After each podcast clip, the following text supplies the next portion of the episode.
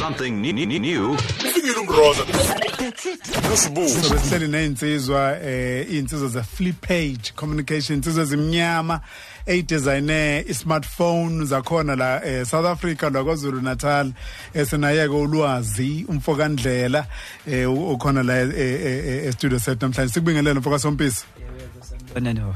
Ngibalekelela naba nabalaleli. Awuyisondela nje kancane. Alright basi. ngiyabonga. Ya, Hayi.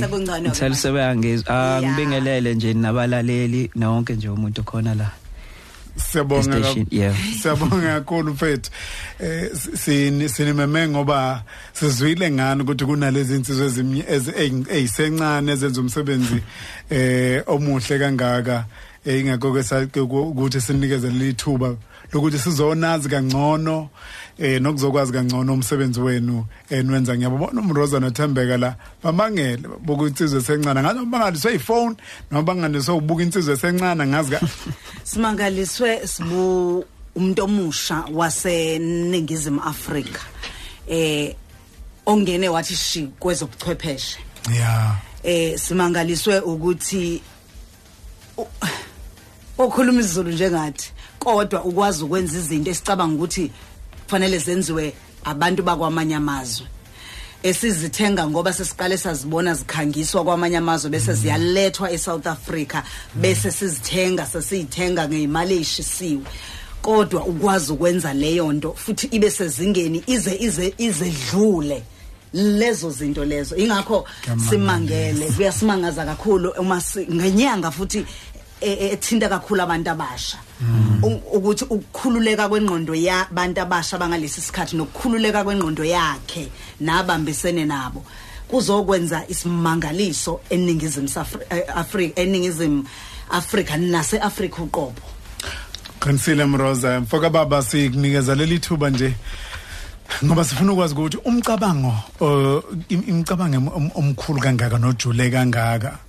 Eh uma ufika kuwena ufika kunina no no no, business partner wakho eh, ufika ubani onilekelelayo ukuthi nikwazi ukuqonda ngoba uyazi Mroza ungekubona ukuthi khona into oyiphethe lapho. Khona lento yokuthi umcabango noma umbono noma iphupho malifika kwesikhathi ubona ngathi likhulu kakhulu ulisabo vele ulithatha ulilahlele le ukuthi mhlambe usizwa ubani? Umuntu oseduze kwakho ngaleso sikhathi akutshela ukuthi hayi lizosebenza. Eh akulekelela akubambe ngesandla akuqinise noma akukhuthaze. Yilokho azobe sitshela kona ulwazi edlulisa lapha obaphethe esandleni. Kanti ke mhlawumbe nje ngimxoxela umlaleli ukuthi ke undunankulu wezokuthutha eh, udokotela uBlade Nzimande undunankulu wakwaZulu Natal umnomzana uWillis Mchunu umasipala wasemgungundlovu district kanye nomasipala wasemsunduzi. Bamema amalungu omphakathi wasemgungundlovu namaphethelo eh, kwimbizo ezoba ingomgqibelo ngomhla ka23 June 2018 kusukela ngo9 ekseni esikhungweni sezemidlalo sa- secaluza ezokuthutha ke zihleliwe. Ukuze uthole ukuthi ke ezokuthutha ke zihlelwe kanjani xhumana noBrian Zuma. Nansi inombolo 083 708 2245 083 708 2245 eh noma ukhansela umntuza wakamkhize ku 082 694 3026 noma 084 2135894 lo mlayezo ulethelwa umnyango wezokuthutha kanye nesifundazwe sakwaZulu Natal lwazi ufuna ukuza ukuthi yini efika kuqala umcabango wenkampani flip page noma eh umcabango wokudesigner i-smartphone Kufike umcabango wokudesign ismartphone kuqala. Um sihlangana sinolifa si sazane nje 2012 through nje umngane esimasobabili. But umcabango nje besiqalile sa design of course izinto zethu independently as, as respective. Mase sihlangana 2012 sathi hawayazi mawuthi asihlangana singenza ngempela umehluko omkhulu kunokuthi sisebenze sizama ukuqhudelana sodwa. So of course after lapho ila sekuestablishwa khona inkampani sekuthiwa asebenzeni under inkampani. Nihlanganiswa umuntu othi ngiyamazi ulifa unomuzwa wokudesigna i-smartphone. Ngiyamazi ulwazi naye. Usho njalo? Ye- yena angithi wahlakaniphela sobabili. Angithi ngoba besakha izinto ezicishe ezifane manje sikhuda akasi angitsheli mina ukuthi hayi lo yilo owakha lento oqudena naye akamtsheli. Oh. uthi akhona umngane wami naye okwazi ukusebenza kule zinto lezi mhlambe ungayazi ukuthi ucabangani ngayo. Na- mase sihlangana after isikade hleli ithi make mfethu akusiwena lo. Ah, kodwa by that time besizwana ngempela sizwana ngempela ngempela sesaba ngasathi hayi eh into ehlakaniphile la ngoba wena wazi izinto eziningi engazazi nami ngazi ongazazi. Yazi masingahlangana ngempela khona into esingayenza. Um so kuyaqala lapho ukuthi okay asebenzeni as inkampani.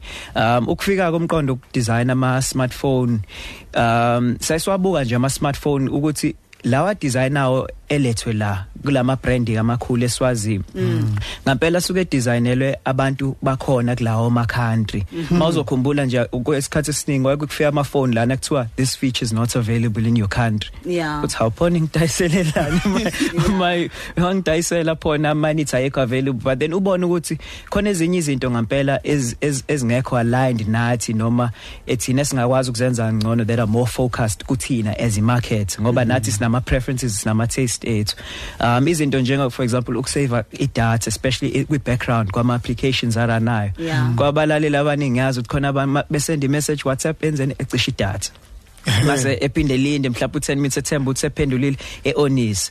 Umbuzo ukuthi yabo ngabe be designer kulamazwe i-internet i-cheap kubona so abadingi ukuyicabanga zonke lezo zinto. Weze kuthina Thina kube sinenkinga ye- ya- sinalezo yedatha, inkinga nani, thina. nani. so thina mase sidesigner we take lezo zinto into consideration nokuthi lokhu hlopheko lokhu cisha onis yini singakwazi ukufreeza lama background engalokho erun? I data and so ama specs ama specifics ngempela bamancane anjalo enza umehliko umehluko omkhulu kuthina la Africa kunama device ngempela athunyelwa kuthina la kuthiwa anwasebenziseni. So from lapho sibona ama tweaks amancane and then of course sithi mase sidesigner kodwa nathi especially abantu base South Africa nase Africa nje ezofanele sikwazi ukuthi sibe ne product nathi sijabulela sicha iya compete le kungabe ngathi hayi bona bakhile shem. Yabo angifuni kuthiwa cha bakhile shem.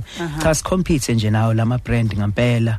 Uma Kuca- kunama exhibition nje eh, uma kubekiwe le kuthiwa iqhamuke South Africa kubona and ngokwespec ingathi kuthiwa oh konje neAfrica cha ngespec ngempela qhudelana ngempela and we've actually won quite a bit ama ama award esake sawawina kwama country um South Korea bese South Korea last year ngo September we've done Spain quite a bit in Barcelona and there's another one we're eligible for nje manje ngo July e California banithola E-USA. banitho- banithola njani bonke labo lamazwe um website yenu kuma yeah so through through websites through ama exhibition and then of course i think from ukukhuluma ke kwazo lenkampani thiwa how kunento e- ekanje eAfrica and kuba naleyo interest kwama country ukuthi how. Ikanje ispec kanje idesigner iphuma phi eAfrica then bebe naleyo curiosity ukuthi how?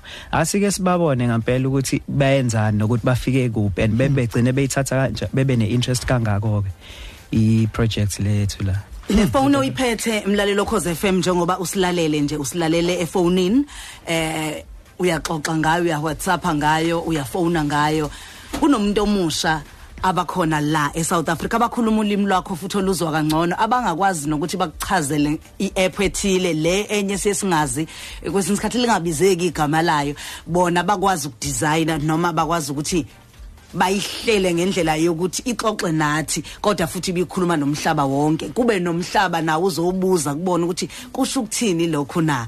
Eh, ingakho ke nje sithi ake sixoxe nayo lensizwa sihlale nayo eh, la kusukela manje mhlawumbe kuzokushaya ihora lesithathu. Sibheka nje sihalalisa futhi kakhulu. Sine smartphone sokuqala nqa esikhiqizwe kwaZulu Natal abantu abasha eh eh okungolwazi nolifa wakabekwa okuyibona abathi ke cha sesibonile siba namafoni yonke leminyanga nathi ake siqhamuke nokwethu. Kodwa nje engifisa ukukuthola mina ukuthi engicane ukuthi kudinga ulwazi oluningi kudinga ukuphe uku- yini ucwaningo olu- olunzulu. Olunzulu. Uma kuziwa kulokho ngoba akuyom akumdlalo enikwenzile. Ngicabanga ukuthi nenze ucwaningo olunzulu kakhulu. Yeah yeah. Nihlanganisa amazwe onke akhiqiza amafoni. Nasenibona ukuthi eyethu izohluka kanjani izokwenza kanjani okungcono kunawo Um yeah so before uqale wakhe smartphone I mean kuba ne phase ebathi i research and design. Um so sake sabheka nje ama ama phone akhona ama brands akhona ukuthi bayenza kanjani into abayenzayo nokuthi bayenzelani? Yabo kufanele uqale uyibuze ukuthi yindaba lento yenziwa kanje. Um once sifundile sa understand ukuthi yini beyenza kanje nokuthi iba benefita kuphi and yipi ngempela la eh, nine ebuyeni limaze khona noma yipi la engani benefitisa nani njengezwe. Um then iqaleke i i- design yenu we nithi okay sesokwakha kanje eyethu. So ngokwe spec ngokwe hardware ama specification e phone ukuthi okay ayibe nje on par ngempela with lama brands akhona. Masibe nalama technology amasha njengo wireless charge no fast charge nama battery ngempela a last isikhathi eside. Ngoba mina into ayike ngihlupha i battery yami ihamba iphele phakathi nosuku iphone ngala i power bank ngala. So ukuthi okay asike siqale nje nge battery ekwazi ukuthi ingilaste siyibuyisele nje kulezi insuku ze 33 ingilaste usuku lonke. Yeah so uqale ngalapho uthi okay into engifuna uyaddressa la sifuna uyaddressa i battery ezolast usuku lonke indaba ye data thina esilimazayo la. And then kuba nezinto ke njengo privacy uh mawuzokhumbula uh last month le incident le um with uFacebook nokuthi information yethu i i- ihandlishwa kanjani khona. Into ekhona esifocus ekuyona ukuthi ama country wonke masobheka wenza research njenge Germany ngeFrance na wonke nje amanye ama country amakhulu ase esethatha icontrol ye information noma ye data yabantu babo. Ezweni labo. And because owazi ukuthemba ukuthi information yakho njengoba isave kwama server kuleyo country usubject to imithetho yakhona 99 yabantu 99% yabantu ngempela abane information yabo konke lamazi abawazi naleyo mthetho ukuthi ngempela mina ngisubject to ini. So by le- ukwenza ama smartphones ethu usuyazi ukuthi okay i-commu- i-communications ethu ibase la yonke into yenzeka la and icontroleka la. And you subject to imithetho iyala eSouth Africa.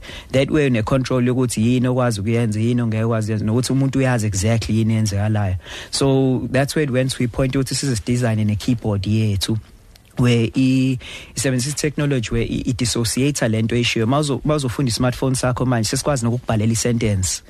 Ngibuza ukuthi awu ngathi ngisabhala kwakulandela eli- elinye igama elihambisana naleli kwakulandela isen nakhona izibuye iqhatha usuthi ngizohlangana no Ivesani Bhalot nolwazi. Hey Yeah, yazi yabo. nasengisho usibusisi yabona nakhona nakhona sisho umuntu eceleni ubebhala yena kodwa ngoba usuhlangane nolwazi kakhulu siyabo siyakwazi nokuqedelela lezo zinto zisaveka somewhere and abantu abakaze beyibuze ngaleyo nto. So bathi bakhuluma ngeTelegram kufihlekile kanti ayikho into efihlekile isave keyboard um uma uzobheka zonke le inkampani ezincane zama keyboards eziqala ezithengwa ile inkampani ezinkulu ngoba bafuna leyo information. So by doing leyo nto thina s- senze i- indlela ukuthi idissociate ukuthi fair enough izolifunda igama elithi lwazi kodwa ingabe ukuthi um u- ushengo wake wake wathi lwazi so mase kubheka kwi server kuthiwa cha likhona igama elithi lwazi kodwa ukuthi belishiwo ubani. Ukuthi la show bani nini kwenze so that njani. way ngempela you protect i-communication yomuntu ngoba siye sithi i- i-communication yakho ne-information yakho ayihlukile nemoto yakhe yakho akubo akufanele kube nje nomuntu o- ozoyisebenzisa ngale ngaphandle kolwazi lwakho. Izithombe. Ineyithombe konke kusevekile phakathi WhatsAppani nje Telegram so kuba ama platforms anjalo we uqala ubheka ukuthi mase sidesigner ngempela nayi ifreedom esifuna ukuyinika abantu ama country wonke amakhulu aseqalile for abantu babo. Kuthina besa at a point where abantu bebengayazi nokuthi lento iyenzeka. So ilana ngempela sisidesigner sisideveloper ngalawo ama features ukuthi ebe khona kwama device ethu for i privacy ngempela umuntu oyisebenzisayo. Okay. Hleleke nensiza ulwazi mfokandlela uqhamuka kwenkampani okuthiwa flip page siya nje ngomeni masibuye ngomeni bese ke siyalisonga eh udaba lwethu. Insizwa ke lezi ezidesigne eh icellular phone la kwaZulu Natal eh ngiyabuka nje ukuthi eh baye ba ba ba ba- ba ba- ba. Banconywa ngisho ke nazi ikhungo eh ezikhona la kwaZulu Natal. Ngiyabona nje trade and investment kwaZulu Natal. Uma kukhulunywa nge-smartphone uhlezi uyitshela ukuthi une-smartphone nasi-ke i-smartphone sangempela. Uyabona uma ngabe uyi- uyi- uyipress uyicindezela um iyayishintsha shintsha eh, kuthiwa yini animation uthola ukuthi iyashintsha umbala ibe yomunye umbala. Eh, ikwazi nokuthi igcine ikukhombisa ukuthi izwe liwukuthi kusebusuku. Izwe liwukuthi kusekuseni zisebenzile lezi. zisebenzile bafowethu Asiyabonga, siyabonga. Ah le leyo bese asithi nje bese bese s- sesenza nje ngempela ukuthi ibe ibe Ibe cool. unique ibe cool. Yeah. nathi bese sisi enjoyela exactly. So ushuthe mhlawumbe uthi unesithombe i-screen saver sakhe seThekwini Yeah. uphesheya.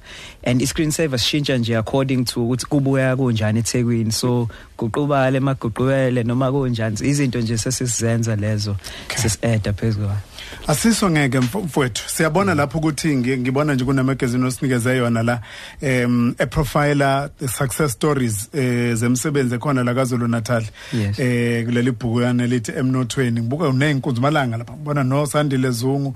Company yenu kusho ukuthi eh i- i- i- ibisir i-recognized eh kuyikhungi enkulu. Sizwile ukuthi nakwamanye futhi amazwe aphesheya nithola imiklomelo. Thekhona omunye nizobe niyolanda khona manje? Uh yebo yebo. Um e July kuzoba nje ne article futhi ezofanele iphume TechCrunch magazine nje enkulu ye ye tech to TechCrunch e California. Yeah Okay. so sithembile nje ukuthi nalapho kuzohamba kahle I- ngempela. i-trade i- ngi- ngibo- ngibona la kuma record osinikeze wona i- i-trade and investment KwaZulu Natal iyabanye babachasi benu financially eh, ngokwez- ngokwezimali right Um yes ngo 2016 sa apply for e funding um to through K- UTI Trade Investment KwaZulu Natal and Economic Development. Um yeah approve uh end of 2016 beginning of 2017 um unfortunately kodwa kunamhlanje akafinyeleli kuthina. Um baya approve kodwa for over 3 years bekufanele sifandwe ibona. So to date besingaka besingakayitholi on our side. Kodwa i mean we've had success well, success or help from of course uh, inkampani ama individuals family imndeni so nabangani phesheya locally na yonke lento let to get to la sikhona kodwa sinethemba ukuthi um into ngempela ezolungiseka maduze le and then be kusuke bekwazi kuyini mhlawumbe ukusixhasa. ingqinamba ezinye nje neyinselele nisuke nibhekana nazo ebhizinisini kakhulukazi lifana nalo leli Um kuba kuningi faneke into into obhekane nayo ukutravela u- ukudesign ukudevelopa ngoba for yonke into oyenzayo faneke uyitest uyidesign and yonke into i i expense um so kuyidinga isupport njengayo le yadi ibhalwe lapha dithenjiso economic development um yokuthi um nikwazi ukutravela nikwazi ukuthola ama device nikwazi ukwenza izitifiketi lezi ezidinga ukwenziwa. Um am- ama cost nje akabhe- okubhekane nawo into e- into ekinibambe mani yaphambili.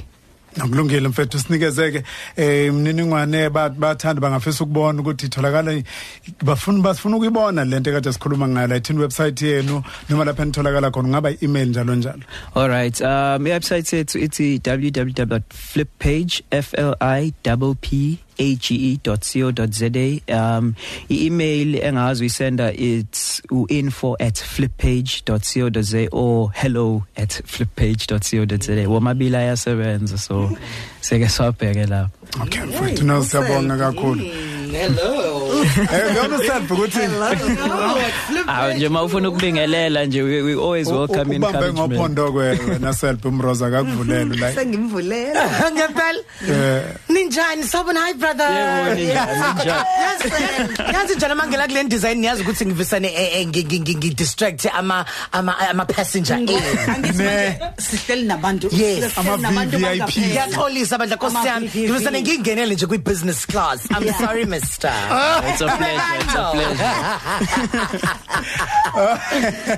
mfethu siyabonga kakhulu em lwazi sinifisela okuhle mfethu eh inqubekela phambili ngazi ukuthi yonke into njena mfethu eh zonke izithiyo ezisekhona mazisuke njengabantu abamnyama sinibone. Nisitshele mangabe senibuyi kothatha indondo yena eCalifornia. Yebo hayi sosho impela futhi nizoyithatha. Hayi sithembe kanjani? Kanjani? umculo senzathele 12 to 3